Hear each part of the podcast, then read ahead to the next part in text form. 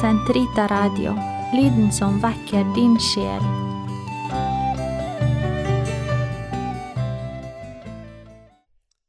Kroppens teologi, en kommentar til pave Johannes Paul 2.s onsdagskatekeser av Eirik Ambrosius Stenhoff.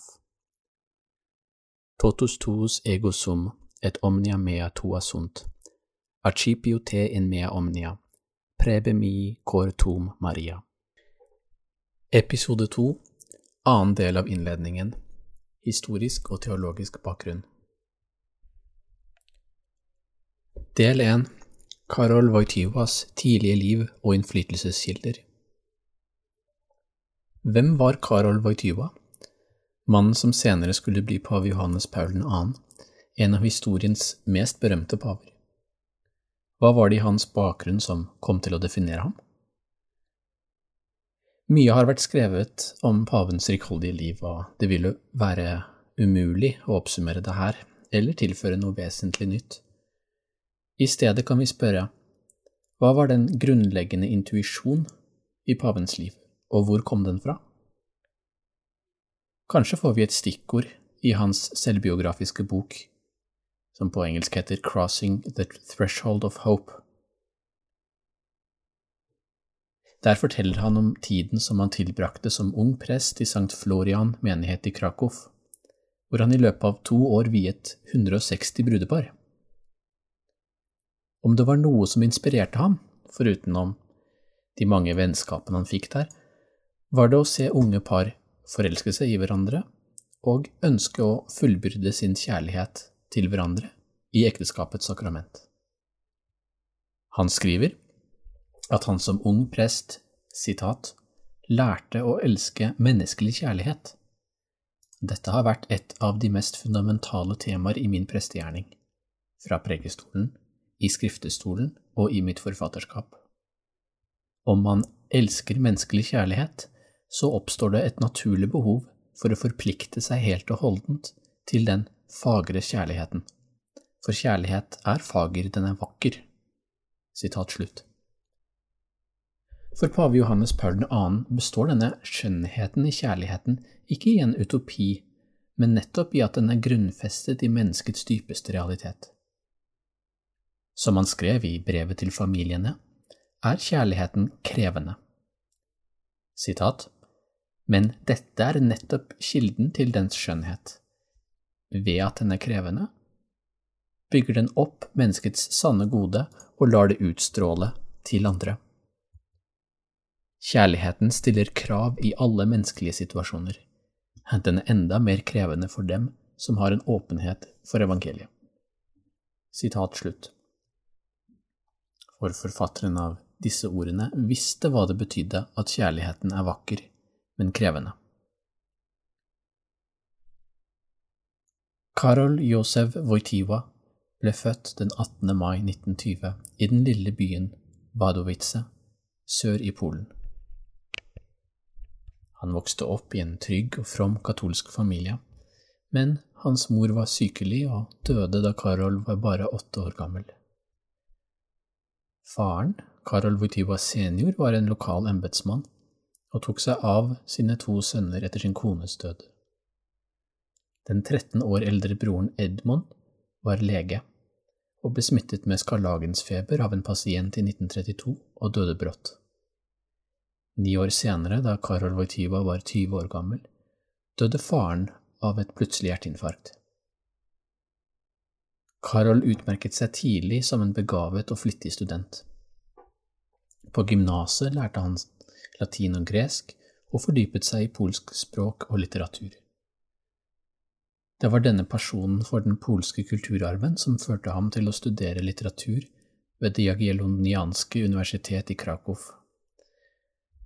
Men denne begavelsen til tross var han ingen typisk tørr og introspektiv akademiker.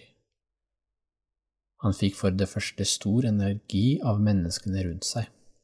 I Krakow var han med i en teatertrupp, lærte å stå på scenen og skrev selv flere skuespill. Han var hele livet glad i fotball, i friluftsliv og langrenn. Han hadde vokst opp ikke langt fra Tatrafjellene syd i Polen. Hans fromhetsliv var preget av en sterkt mystisk og mariansk dimensjon, og en urokkelig tillit til Guds kjærlige forsyn. Biografen George Weigel sammenfatter noen av paradoksene i mannen som senere skulle betre Peters stol. Sitat. Han er en intellektuell som ikke lar seg binde av akademiets trette talemåter, og som har en dyp forståelse for ulærd folkefromhet. Han er en mystiker som var en ivrig idrettsmann i nesten 70 år. Han er en sølibatær med en bemerkelsesverdig innsikt i menneskelig seksualitet og særlig sett fra kvinners perspektiv og erfaring. Han levde fra han var 19 til han var 58 år gammel under totalitære regimer, og har skrevet fornuftig om de kulturelle faktorer som gjør demokratiet mulig. Han var velsignet med sterke mentorer som ung mann, men han er først og fremst en autodidakt som lærer raskt fra egen erfaring. Han har en klar innsikt i de mennesker han møter, slik at man ønsker å betro sine avgjørelser til ham, men hans standardfrase som skriftefar og åndelig veileder har alltid vært du må ta beslutningen. I alle disse paradoksale trekkene kan vi kanskje skimte en rød tråd. En tillit til egen og andre menneskers intuisjon og erfaring, men også en dyp respekt for deres frihet. Dersom vi ikke gir rom for gaven i frihet, kan vi jo ikke gi oss selv fullt og helt. Gud vil ha vår frihet, skriver han et annet sted, og den friheten er ment for kjærlighet.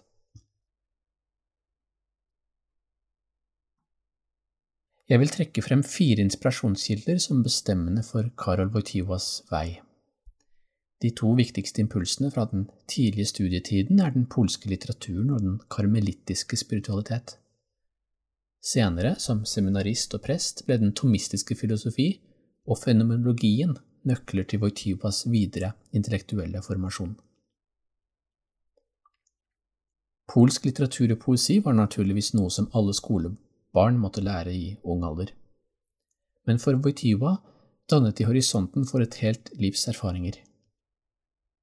For ham var det ikke samtidslitteraturen som fenget, eh, men de store dramatikerne og dikterne fra den polske nasjonalromantikken, som Juliusz Słowacki, Adam Mikiewicz, Sigmund Krasinski og Cyprian Norvid. Disse var alle dypt kristne diktere og samtidig dypt grunnfestet i den polske jord. Særlig den sistnevnte, lyrikeren Norvid, ble en varig kilde for pave Johannes Paul 2. Han lærte mange av Norvids dikt utenat og husket dem livet ut. I 2001 holdt paven en tale til en polsk delegasjon i anledning 180-årsdagen for Norvids fødsel, og han sa, sitat, Jeg har oppriktig ønsket å uttrykke min personlige takknemlighetsgjeld til poeten. Jeg har vært knyttet til hans verk gjennom en et dypt åndelig brorskap helt siden gymnasårene. Under naziokkupasjonen styrket Nordvids tanker vårt håp i Gud, og under det urettvise og skrekkelige kommunistsystemet hjalp han oss å holde ut med sannheten, som er gitt oss som en plikt vi skal leve på en verdig måte. Cyprian Norvid gav oss et opus hvorfra et lys skinner, som lar oss gå stadig dypere inn i sannheten om vår eksistens som mennesker kristne, europeere og polakker. Sitat slutt. Norvids innflytelse, fortsatte paven, hadde nettopp med å gjøre at han ønsket å være et vitne om sannheten, et vitnesbyrd som skinte gjennom et ofte hardt prøvet liv. Pavens biograf skriver at sitat, Norvids poesi var et forsøk på å gjennomtrenge sannheten i ting gjennom kunst, og en bevisst avvisning av tanken om kunst for kunstens egen skyld. Sitat slutt. Korset er for Norvid den sant menneskelige vei til et sant menneskelig liv. Paven siterer dikteren som følger. Sitat. Ikke følg deg selv med Frelserens kors, men følg Frelseren med ditt kors. Sitat slutt. Paven kommenterer sitat, æren i å være et menneske, som er nærmest ubegripelig, ifølge Norvid, på jorden, er mer fattbart i himmelen, og veien dertil fører nettopp gjennom korsets portal. Og idet mennesket går gjennom den, forstår det at sannheten om det å være menneske er noe som uendelig overskrider det. Fra dette kommer hans frihet.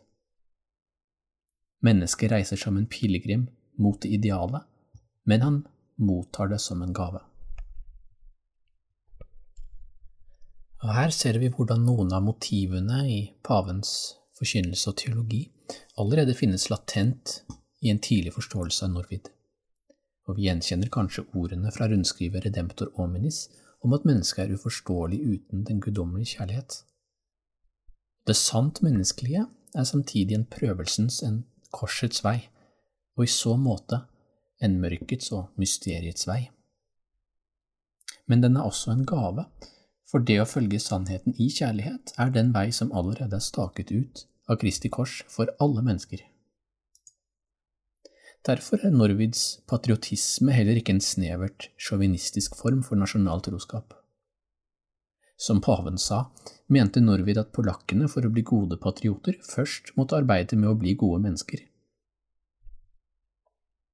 Paven sier et annet sted at evangeliet gir en ny mening til hva begrepet hjemland betyr.